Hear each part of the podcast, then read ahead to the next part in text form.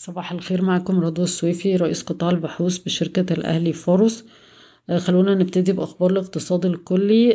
الحكومة أصدرت الوثيقة لسياسة ملكية الدولة. وفي تسعة وسبعين قطاع تعتزم الحكومة الخروج منها بالكامل خلال ثلاث سنين.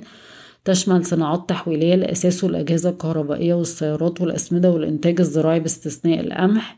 والحكومة ستخرج تدريجيا من 45 قطاع آخر أهمها الصناعات الثقيلة زي الحديد والألمنيوم والأسمنت والسجاير واللحوم وبعض صناعات البنية التحتية زي محطات الطاقة وشبكة النقل ومشاريع الطاقة المتجددة. وفي قطاعات الحكومة شايفاها استراتيجية وهتكمل فيها زي النقل والبنية التحتية للاتصالات وأنظمة المية والصحة والتعليم والأدوية. توقع وزير البترول أن قيمة الاستثمارات في قطاع الطاقة في مصر هتكون سبعة لتمانية مليار دولار. قد تستقبل مصر سبعة ونص مليون سائح هذا العام. من المرجح أن يرتفع عدد السياح الألمان وده هيساعد على تعويض السياح من روسيا وأوكرانيا. يعتزم المجلس القومي للأجور الحديث مع أصحاب الأعمال لزيادة الحد الأدنى للأجور في القطاع الخاص ل 2700 جنيه.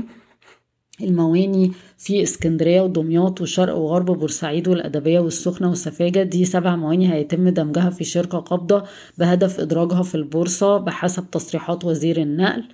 بالنسبة للسنة المالية 22-23 في مستهدف إجمالي استثمارات عامة للدولة واحد واحد من عشرة تريليون جنيه مصري. وطبعا قطاع النقل هو هيحوز بالنصيب الأكبر 307 مليار جنيه. المياه والصرف الصحي حوالي 300 مليار جنيه. التعليم 70 مليار.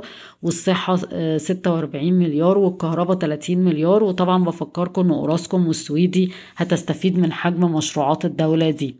عز ستيل خفض أسعار حديدة الحديد المسطح أو ال flat steel من 25 ألف ل 20 ألف وخمسمية نتيجة لانخفاض تكاليف الإنتاج وده على مستوى السوق المحلي فقط لكن التصدير أسعاره كانت بعقود من الربع الأولاني والشركة شايفة أن الهوامش هتحوم حول العشرين في المية أقل أو أكتر.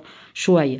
أوراسكوم للفنادق سجلت مبيعات محايدة في الربع الأول 2 مليار جنيه بانخفاض 4% على أساس سنوي معدل إشغال الفنادق في الجونة 61% في الربع الأولاني من 22 مقارنة ب 26% السنة اللي فاتت الأجانب 54% من الإشغال. وصافي الربح 446 مليون جنيه بارتفاع زيادة 6% على أساس سنوي بالرغم من خسائر فروق العملة. آه العربية لإدارة الأصول تلقت عرض آخر للتطويل المشترك لقطعة أرض زفتة اللي هي 60 ألف متر من شركة رامو وحصة أكماد هتكون 35% من الإيرادات اللي هي هتبتدي من 4.2 من عشرة مليار جنيه على حسب تراخيص وعدد الأدوار بتاعة العمارات في المشروع. فوري كانت عندها مكالمة نتائج الأعمال والإدارة مستهدفة نمو إيرادات 44% على أساس سنوي في عام 2022 ومتوقعة إبدا مارجن حوالي 27% ونفقات رأس مالية من 400 ل 500 مليون جنيه وبفكركم إن السهم بيتم تداوله عند مضاعف ربحية تقريبا 50 مرة لعام 2022 آه شركة ستيلانتس لصناعة السيارات بتفكر تعمل تجميع للسيارات الكهربائية في مصر نتيجة للاستفادة من الحوافز الحكومية اللي مصر ممكن تقدمها لتوطين صناعة السيارات. شركة القاهرة للاستثمار أو السيرة هتصدر سندات توريق بالنسبة لحقوق آجلة بقيمة واحد ونص مليار جنيه وبتتكلم مع الهيئة. إي إف جي مدية أمازون خمس سنين لتنفيذ التحويل من سندات الإيداع الدولية لاستثمارها في فاليو اللي هو هيبقى في حدود أربعة في المية.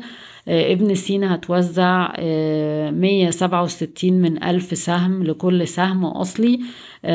وحقوق التوزيع هتنتهي في واحد وتلاتين مايو. ده هيرفع رأس المال لميتين وتمانين مليون جنيه من ميتين وأربعين مليون جنيه. بشكركم ويوم سعيد.